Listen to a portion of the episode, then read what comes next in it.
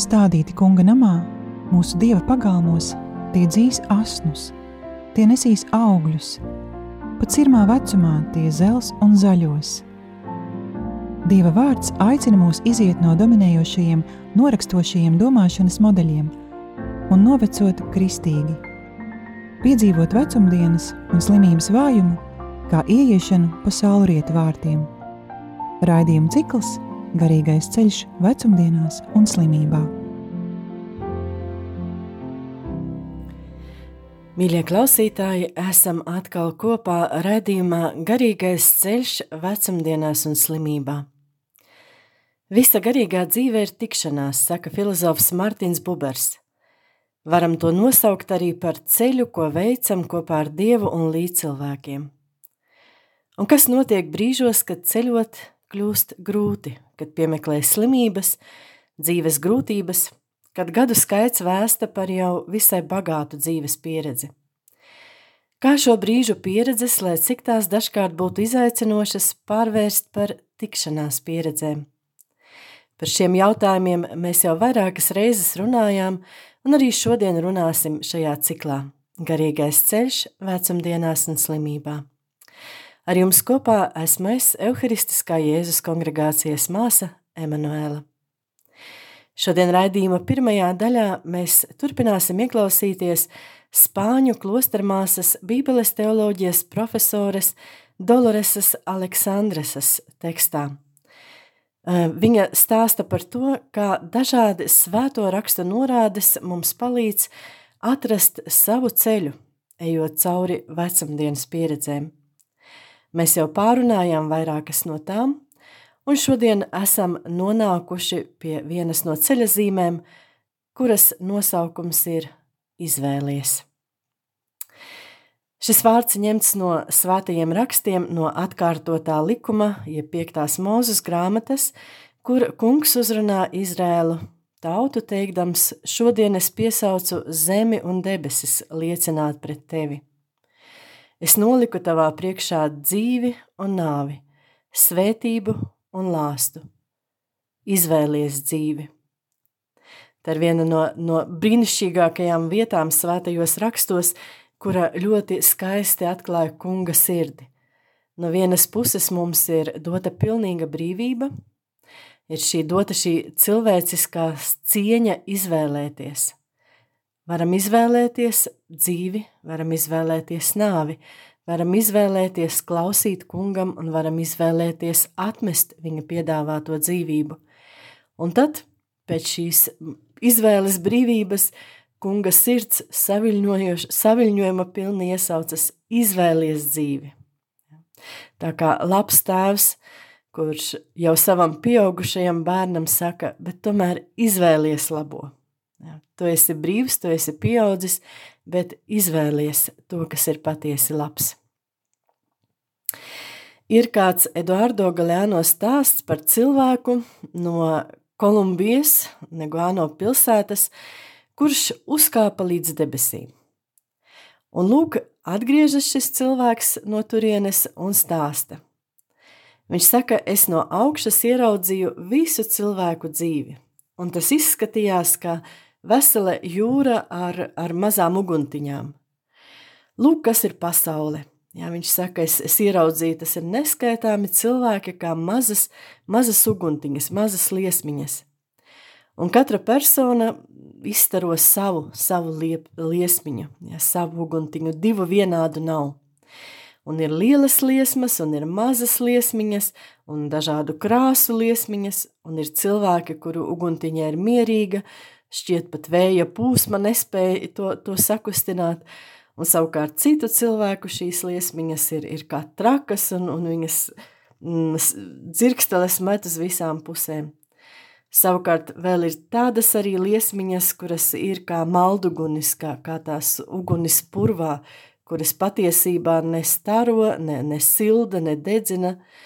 Savukārt citas uh, deg ar tādu karstumu, ka tu pat nevari uzlūkot tās neaizvērdams acis, un kas vien pie tām pietuvojas, arī pats iedegas.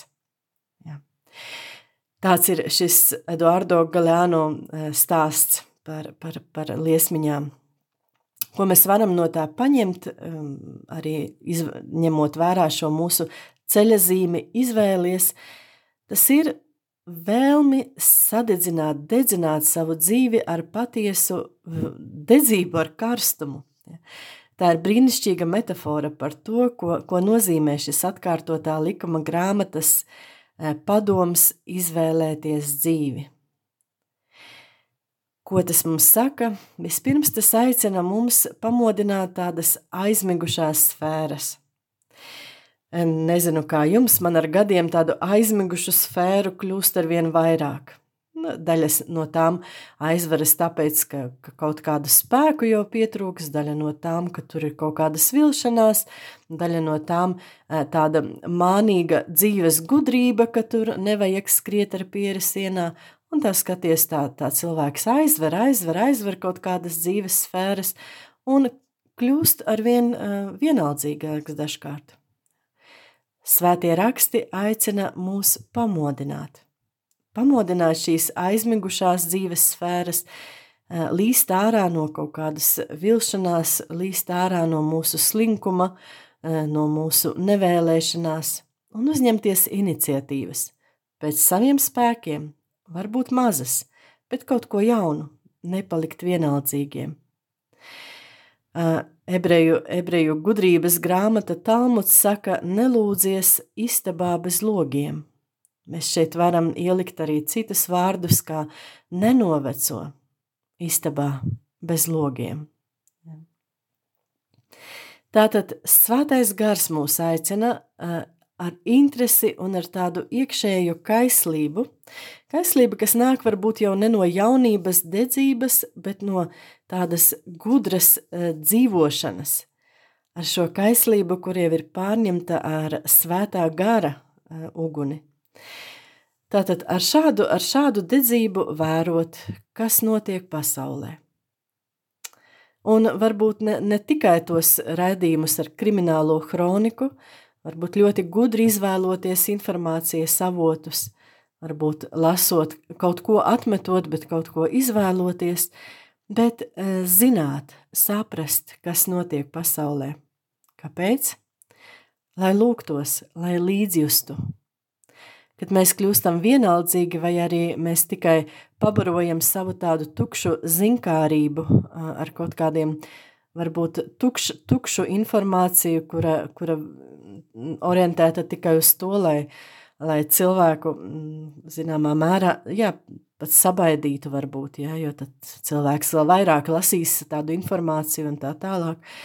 Bet um, mēs izvēlamies to informāciju, kura mūs vestu uz līdzjūtību. Vēl cits veids, kā, kā dzīvot un, un pamodināt un, un nenovecot šajā istabā bez logiem, ir aiziet uz tādām vietām, kurās varbūt mēs nekad neesam bijuši. Varbūt mūsu laukos, kur dzīvojam, mūsu pilsētās, aiziet, apmek, apmeklēt, varbūt apciemot cilvēkus, pie kuriem sen neesam bijuši, bet arī pat tādās vietās, kur mēs nekad neesam padomājuši, ka tur varētu aiziet. Varbūt, piemēram, jūsu pilsētā ir kāda sinagoga, varbūt, varbūt kāds muzejs, Ja. Varbūt, varbūt kāda mm, izstāžu zāle, varbūt kāda vieta, kur e, nodarbojas ar labdarību, kāda iespēja satikt cilvēkus ar īpašām vajadzībām un tā tālāk. Aprunāties ar tādiem cilvēkiem, ar kuriem mums neienāk prātā runāt, vai tiem, kuriem mums gribās grie, griezt ceļu un iet pa citu ceļa pusi. Un izrādīsies, ka viņi var mums pateikt interesantas lietas, un viņi tāpat kā mēs, varbūt vēlas būt uzrunāti. Varbūt paklausīties mūziku, kuru klausās mūsdienu cilvēki, paskatīties kādu TikTok video, kuru skatās mūsdienu jaunieši, un ne tāpēc, lai, lai šausminātos, bet tāpēc, lai sajustu, kā viņi dzīvo. Tas nozīmē būt, būt pie loga, ja, tam, lai uz šo pasauli skatītos ar mīlestības skatienu, lai kādu iemīlētu, lai izvēlētos dzīvību un lai kādu iemīlētu, mums vajag pazīt. Mēs varam tāpat, piemēram, protams, bez kaut kāda fanātisma, bet pārbaudīt kādu no tiem padomiem, ko, ko dot populāri žurnāli vai, vai kādas interneta saiknes, e, kā, ko var darīt vecāka gada gājuma cilvēki. Ja, kas, kas ir noderīgi, e, piemēram, staigāt vai praktizēt kādu, kādu sporta veidu, ja, lai mums būtu labāka forma, lai mēs būtu veselāki, un varbūt atrast arī biedrus, jā, ar ko kopā varam to darīt, lai mēs vienkārši nesēdētu un nečīkstētu. Kas esam stiprāki, varam izvēlēties aizbraukt arī tālākos ceļojumos. Es zinu, ka cilvēkiem patīk mūsdienās ceļot un tiešām izmantot šīs iespējas um, un, un ieraudzīt tādas vietas un tādus cilvēkus, kurus nesatiekam ikdienā. Ir ļoti vērtīgi arī veidot attiecības ar, ar cilvēkiem, parunāties ar cilvēkiem, piemēram, kas rūpējas par cietumniekiem, par bezpajumtniekiem, par imigrantiem, par slimiem cilvēkiem, par eh, kādu atkarībās esošo rehabilitāciju. Un varbūt mēs arī kaut kādu savu mazu ārtavu varam tajā pielikt. Varbūt kaut kur ir vajadzīga vienkārša mūsu palīdzība, varbūt kāda dežūra, varbūt kāds labs vārds, varbūt kādi pie, pieticīgi tā saucamie birokrātiskie darbi. Jebkurā gadījumā šādas attiecības e, izplatīs mūsu pašu at, at, redzesloku un neļaus, ka mēs kļūtu par cilvēkiem, kas nomirst 70 gados, bet kurus apbedī, kad viņiem ir 90. Ja. Un galvenais, un tas ir pats galvenais, ka visi tie cilvēki, visas tās vietas, ko mēs tādā veidā satiksim, viņi sāks dzīvot mūsu lūkšanā. Nereti cilvēki lūdzas, lūkšana ir tāda ļoti šaura tikai par, par manu meitiņu, par manu mazbērniņu, par, par, manu, par manu, varbūt tur labākā gadījumā kaimiņu un, un, un, un vairāk, vairāk gan ne par vienu. Kāds priesteris nesen, nezinu vai jokodamies vai nopietni, bet stāstīja par gadījumu, kad ieradās e, pie viņa kāda kundze un palūdza e, svinēt svēto misi viņas nodomā, bet ar noteikumu, lai baznīcā nebūtu neviena cilvēka, lai Dieva žēlastība nesadalītos, lai visa tā būtu tikai šim viņas nodomam par šiem viņas, viņas cilvēkiem. Ja lai mēs nekļūtu par šādu mazliet anegdotisku personāžu, lai mūsu sirdis izplastos, mums ir jāsadzird, kā pukst Dieva sirds pasaules sirdī. Pārdomāsim to, lūksim svēto garu, un tagad laiks mūzikas pauzē.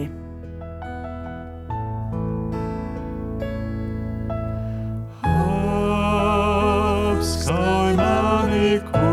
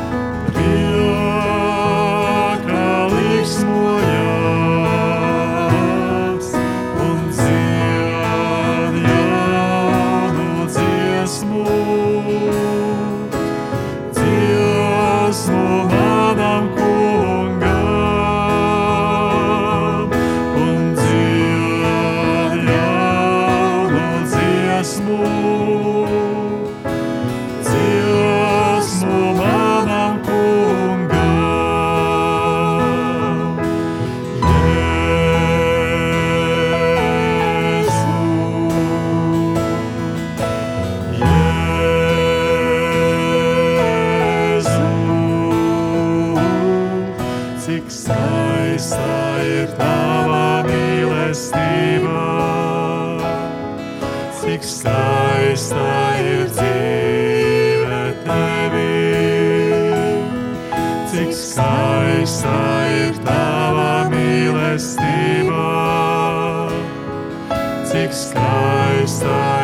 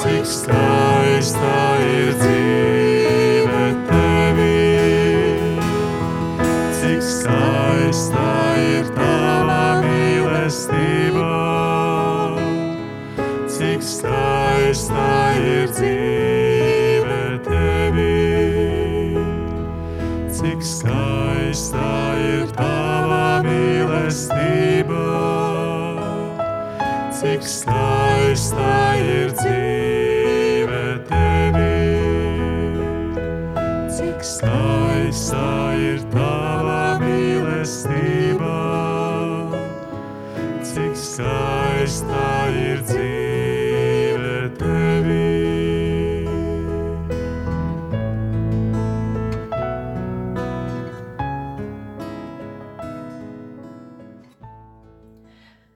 Esam atpakaļ mūsu raidījumā un turpinām runāt par Bībeles mudinājumu mūsu vecumdienās izvēlies.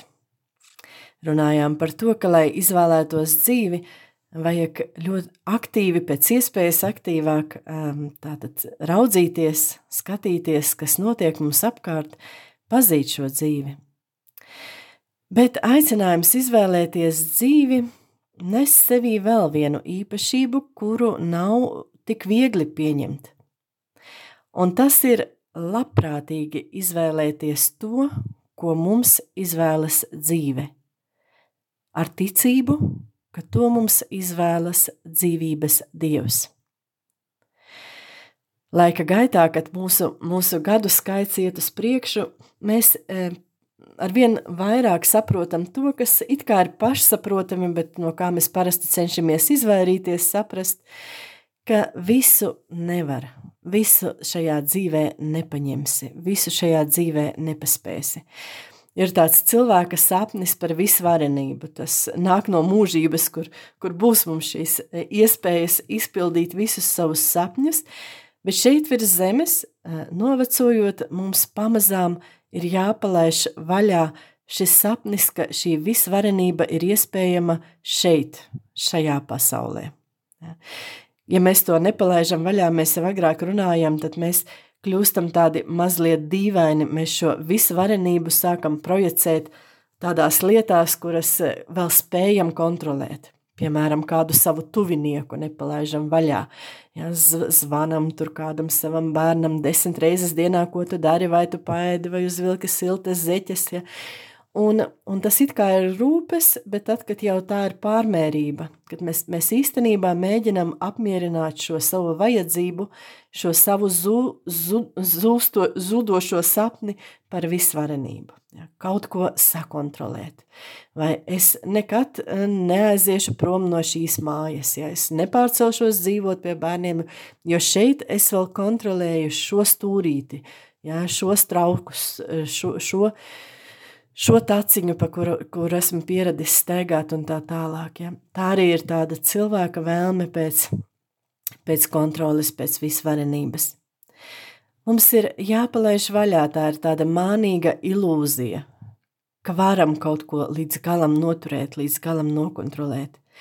Ir jāpieņem tā, kā mēs teicām, labprātīgi izvēlēties to, ko dod dzīve. Jo caur to mums to dod dzīves dievs. Un vecumdienās tas īpaši jūtams.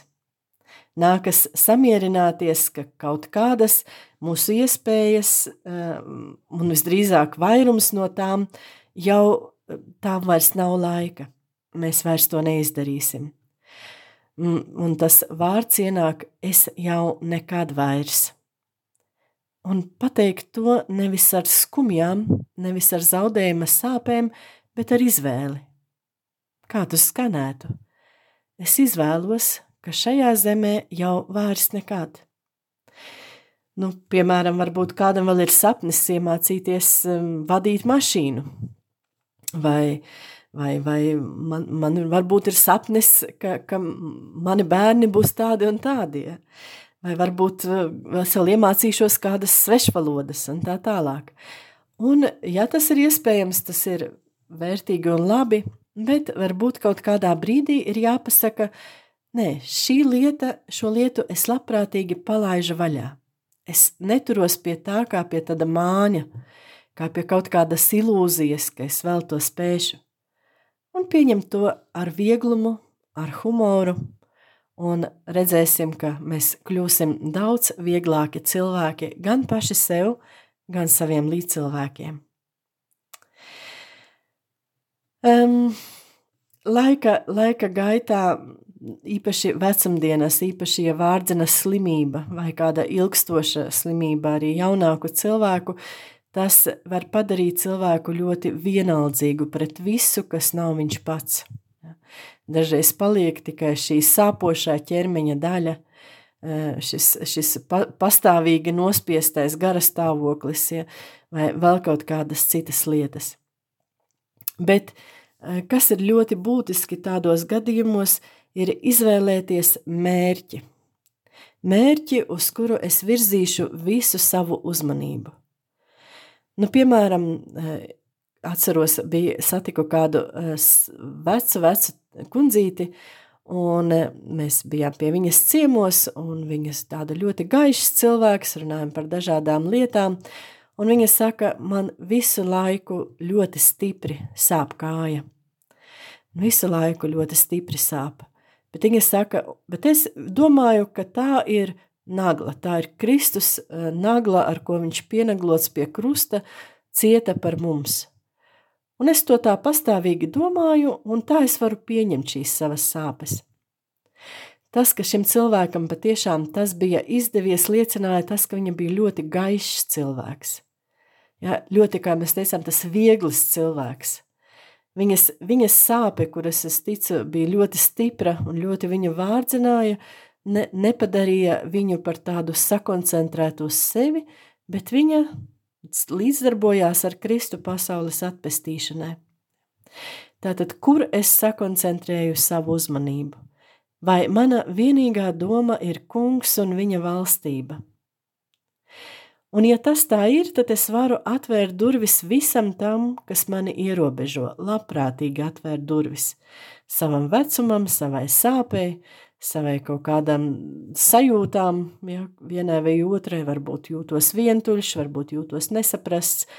Lai tas nāk, lai tas ir, bet es savu uzmanību esmu sakoncentrējusi, sakoncentrējusi uz kungu un visu līdzdarbojos pasaules pestīšanai. Varbūt mani mazbērni man nepiezvana pietiekami bieži, kā es gribētu. Jā, es varu skatīties uz kungu Kristu, kurš viens pats, jā, vientulībā savu mācekļu atstāts, atdot savu dzīvību. Tātad šīs Kristus ciešanas ļoti lielā mērā palīdz mums sakoncentrēt savu uzmanību.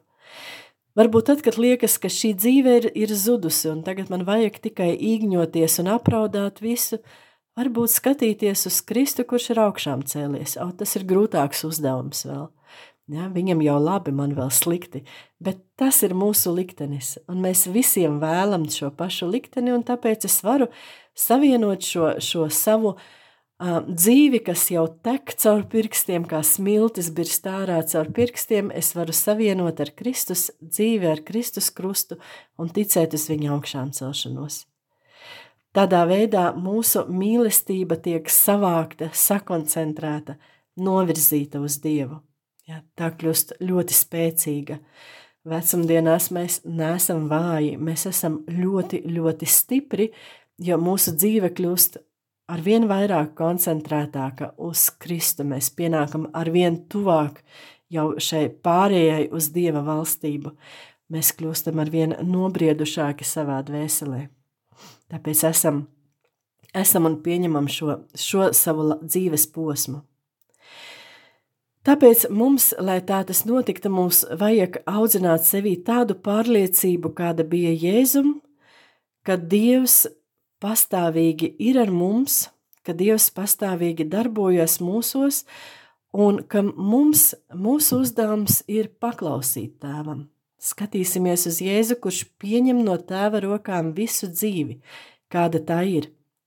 Pravietis Isais uh, savā līdzībā par to, ka viņš salīdzina Dievu ar podnieku un, un mūs ar mālu, viņš saka, māls taču nepieprasa, lai podnieks atskaitītos, ko viņš tagad veidos, kādas formas tas podiņš būs, vai ka, kad, kad tas darbs ir jāsāk vai kad jābeidz. Māls vienkārši padodas podnieka roku, roku veido, veidošanai.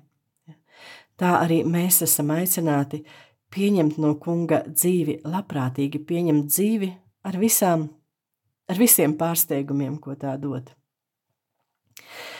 Un tad, eh, ja mēs pieņemsim šo it kā pasīvo nostāju attiecībā uz to, ko dzīve dod, pēkšņi, kā jau teica, dzīve kļūs daudz vienkāršāka, un pēkšņi mūsu dzīvē ienāks pārsteigums – Pēkšņi mēs sāksim pamanīt interesantas un skaistas lietas, tur, kur agrāk neredzējām, kāpēc, jo mēs vairs nebūsim sakoncentrējušies uz to, kā te visu nokontrolēt.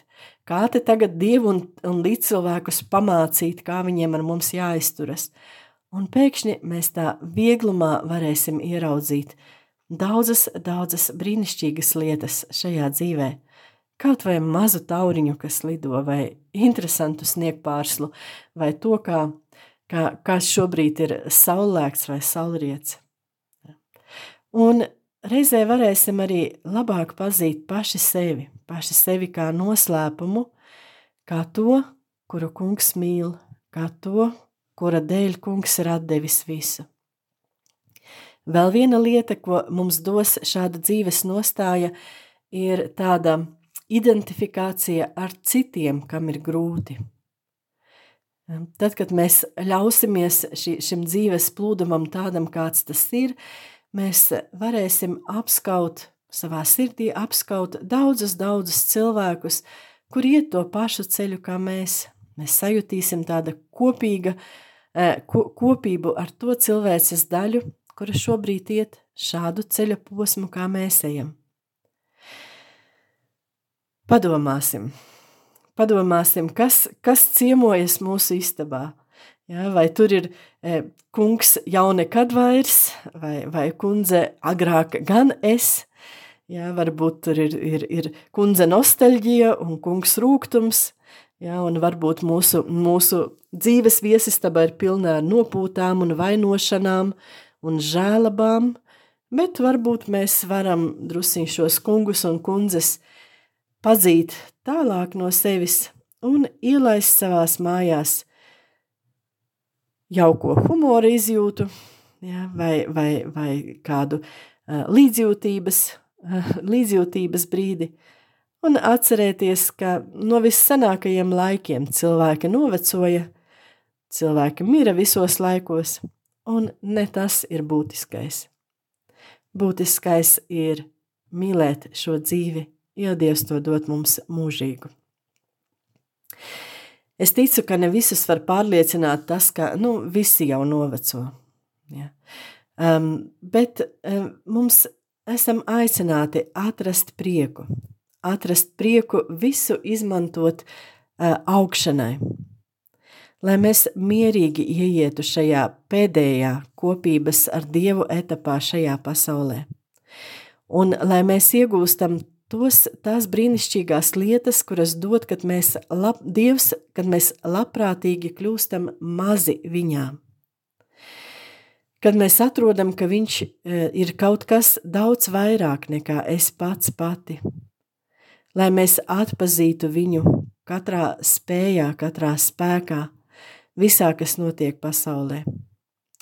Un kad mūsu miesa sāk tāda novecot, kad, kad ir pārbaudījumi gan no ārienes, gan no iekšienes, kad ir daudz sāpīgu brīžu, kad pēkšņi saprotam, ka, ka tiešām jau ir palikušas tikai vecumdienas un slimības, tad ir svarīgi, ka tajā brīdī mēs sajustu, ka mēs varam pārspēt sevi pašu, ka esam Dieva rokās, kas ir kaut kas daudz, daudz vairāk nekā es pats. Un tajās tādos tiešām tumsas brīžos mēs varam lūgt, lai mēs saprastu, ka pilnīgi piederam kungam, kurš ir mūžīgā dzīvīga, dzīvība, mūžīgā enerģija, mūžīgais spēks. Un es esmu tikai viegla spalviņa viņa rokās. Un es labprātīgi izvēlos būt ar viņu. Kā Tjedārs Dešardens ir teicis, tev pieder dāvana sadedzināt mani vienotībā, lai tā savieno mūs kopā. Dot man to, kas ir vēl vairāk kā žēlastība, kuru lūdz visi. Man nepietiek, ka es nomirtu pieņemdams komuniju. Iemāci man pieņemt komuniju, mirstot. Ar šo skaisto šardēna lūkšanu mēs atkal esam aicināti iet mūzikas pauzē.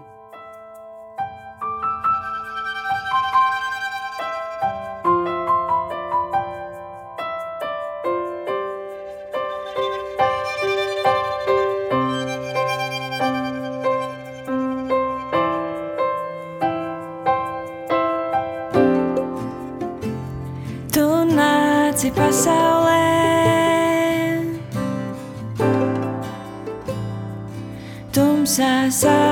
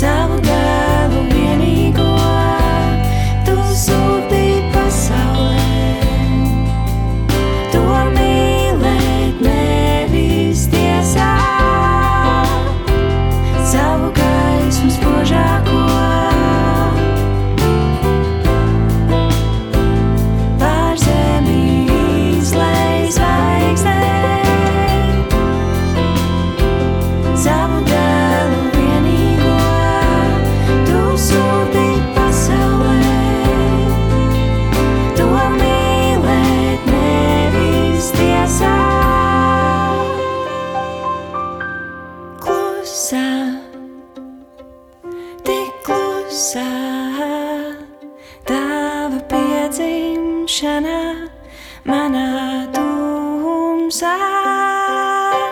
Klusā, tik pazemīgi klusā.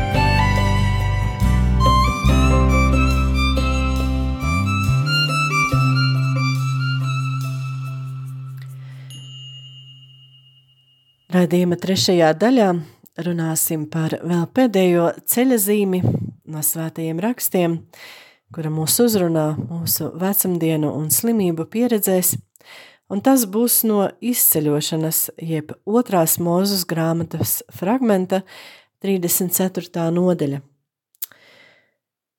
Kungs saka mūzum, no rīta esi gatavs, Kāp no rīta Sīneja kalnā un stājies tur manā priekšā kalna galā. Tad kungs nolaidās mākonī, nostājās tur pie viņa un sauca kunga vārdu. Tas ir vārds gaidi mani. Kungs mums katram ir nozīmējis tādu personisku tikšanās laiku. Visa mūsu dzīve ir šīs tikšanās gaidīšana. Par to runā daudzas bībeles vietas. Un e, tam jāpamodina mūsos cerību. Mums ir jāsaprot, ka līdzīgi stāsti kādi piemeklē vai, vai notikumi, kuri piemeklē bībeles e, cilvēkus, tie ir spēkā arī mūsu dzīvē. Un ja reiz Mūzus ir pasaukts uz šo gaidi mani, arī mēs, katrs no mums, tu, kas klausies, esam pasaukti, un kungs ir teicis mums, gaidi mani. Rīt. Kad būs tā rītdiena, to zina tikai kungs, bet gaidīt esam aicināti jau šodien. Ja mūsos ir dzīva šāda ticība, mēs varam sajusties līdzīgi kā Mūzus, kurš būdams jau simtgalvis kāp šajās kalnā, lai satiktos ar Dievu. Mēs esam kā ciemiņi, kas esam aicināti uz eh, mīlestību pie karaļa. Tādu līdzību runā Jēzus. Vai arī mēs esam, ja ņemam citu Jēzus līdzību, mēs esam kā tas zemnieks, kurš pacietīgi gaida eh, ražas novākšanas stundu vai sievieti, kura drosmīgi pacieša dzemdību sāpes, bet jau iepriekš zinot to prieku, kad viņa varēs turēt rokās savu bērniņu. Šī ticība palīdz mums palikt nomodā, un mēs varam um, skatīties nakts tumsā, šīs dzīves nakts tumsā, kā tās uh, gudrās jaunavas, kuras pie kāzu mīlesta durvīm gaida, kad sadzirdēs uh, līgavaina soļus. Vai līdzīgi kā tie psalmā dziedā, apdziedātie cilvēki, kuri ar prieku atgriežas no lauka uh, un, un nes bagātīgas ražas kūļus, vai kā tie, kuri esam pārdevuši visus, visu, kas mums pieder, un mūs gaida apslēptā manta, kuras dēļ esam visu atdevuši. Jēzus uh, varētu teikt līdzīgi, ka debesu valstība ir kā cilvēks, kas pēc ilga, ilga ceļojuma pa svešām zemēm beidzot atgriežas mājās. Esat droši vien, kas ir ceļojuši, esat piedzīvojuši to sajūtu, jauki ir ceļot, bet cik liels prieks ir beidzot, beidzot atgriezties mājās.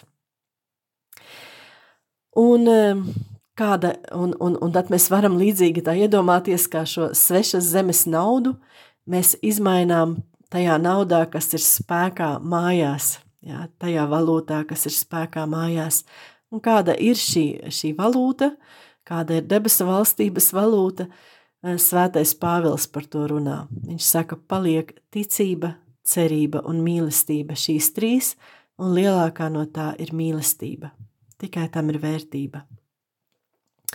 Ir kāds stāsts no tūkstnešu, tūkstneša tēvu dzīves, un saka, ka pie kāda abas, ja, šī tūkstneša tēva, ieradās jauns māceklis, eh, un eh, tātad šim abam bija dārs, kur viņš audzēja dārzeņus, un eh, citi brāļi tātad laiku pa laikam paņēma no viņa šo, šo ražu. Un šis jaunais māceklis ieradies pie šī cienījamā abas un saka, tēvs, varbūt tev ir dārzeņi, es aiznestu um, saviem, saviem brāļiem. Un viņš saka, protams, mans dēls, ņem cik vien vēlies. Un tad tas jaunais māceklis turpināja. Viņš saka, bet varbūt šeit ir arī kaut cik žāsirdības tēvs. Viņš saka, ko tu saki, mans dēls? Un jaunais, jaunais puisis atkal atkārto. Es jautāju, varbūt šeit ir kaut cik žēlsirdības tēvs. Un tā viņš trīs reizes atkārto šo jautājumu, un tas eh, dārz, dārza īpašnieks ir tik apjucis, ka viņš nezina, ko atbildēt. Un visbeidzot viņš tikai nomurmina, nu, lai tev palīdz Dievs, mans dēls, un, un, un iedot viņam dārziņus, viņš nezina, ko atbildēt. Un pēc tam, kad jaunais māceklis ir aizgājis prom, viņš eh, paņem nelielu sainīti savas mantas, atstāja savu dārzu un dodas tuksnesī teikdams, es iešu meklēt žēlsirdību. Ja jau es nevarēju atbildēt jaunajam brālim, ko es darīšu, kad pats Dievs man par to pajautās. Mazliet žēlsirdības, tā ir tā drahma, kuru, kuru meklēs sieviete līdzībā, kuru stāsta Jēzus, uh, um, vai, vai, un, un meklē to katrā, katrā istabas stūrītī. Mazliet žēlsirdības, lai ir tas, ko mēs meklējam, uz ko mēs koncentrējam savu uzmanību. Ticību, cerību, mīlestību, lai tie ir tie talanti, ko mēs vēl cenšamies realizēt, kamēr nav atgriezies saimnieks un nepieprasa no mums atskaiti.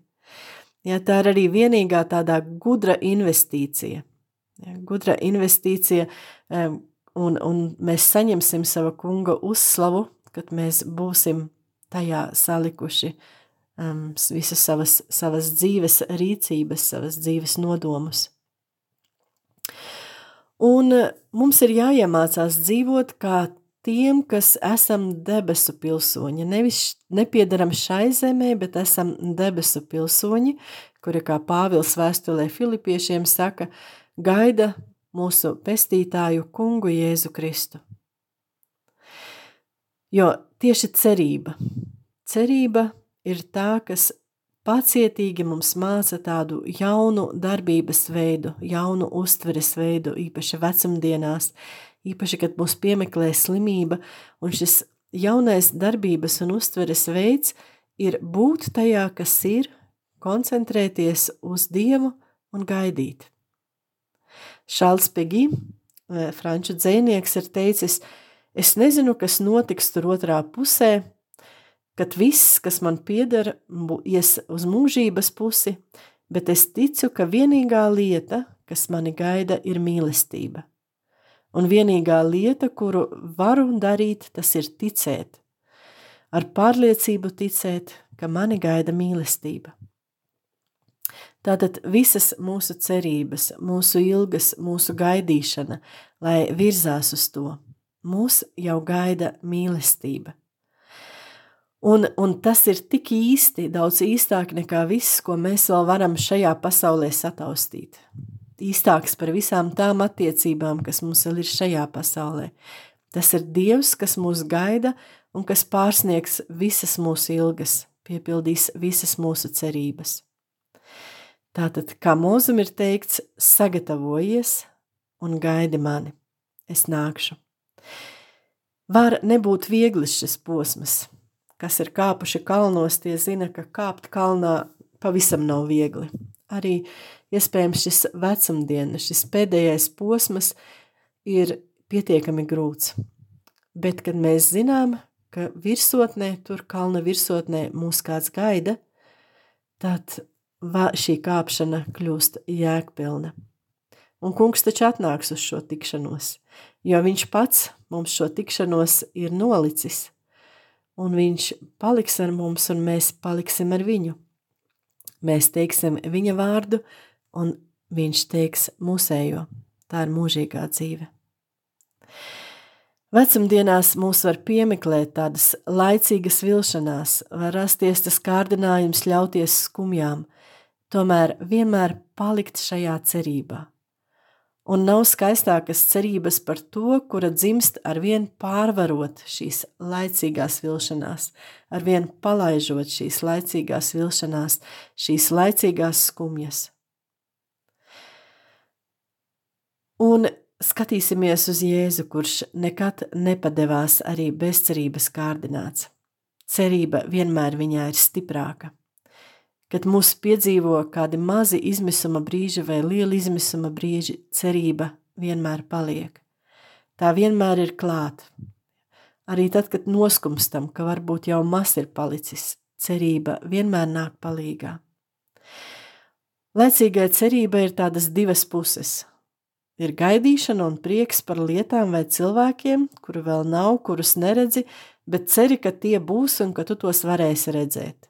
Tuvojas Ziemassvētki, nu mēs varbūt gaidām kādus ciemiņus, un mums jau tagad ir prieks, kā mēs satiksimies ar sen neredzētiem, varbūt mūs, mūs, ne, mums mīļiem cilvēkiem. Bet ir uh, otra cerība, tā ir tā lielā cerība, kura sola to mūžīgo dzīvi. Un brīžos, kad tā mazā cilvēciskā cerība varbūt tik tikko kvēlo, tad lai sāk liesmot šī lielā cerība. Vecumdienās nāk cerība, kas balstās ticībā, un saglabājot stipru ticību, varam mierīgi satikt to, ko dzīve mums nes. Satikt tos vārtus, kuri mūs ievedīs mūžīgajā dzīvē. Lai mums izdodas! lai kunga svētība ir pār mūsu domām, jūtām, rīcību un nodomiem. Stādīti kunga namā, mūsu dieva pagalmos, tie dzīs asnus, tie nesīs augļus, pat cirmā vecumā tie zels un zaļos. Dieva vārds aicina mūs iziet no dominējošajiem, norakstošajiem domāšanas modeļiem un novecot kristīgi – piedzīvot vecumdienas un slimības vājumu, kā ieiešanu pa saulrietu vārtiem. Raidījuma cikls Garīgais ceļš vecumdienās un slimībā.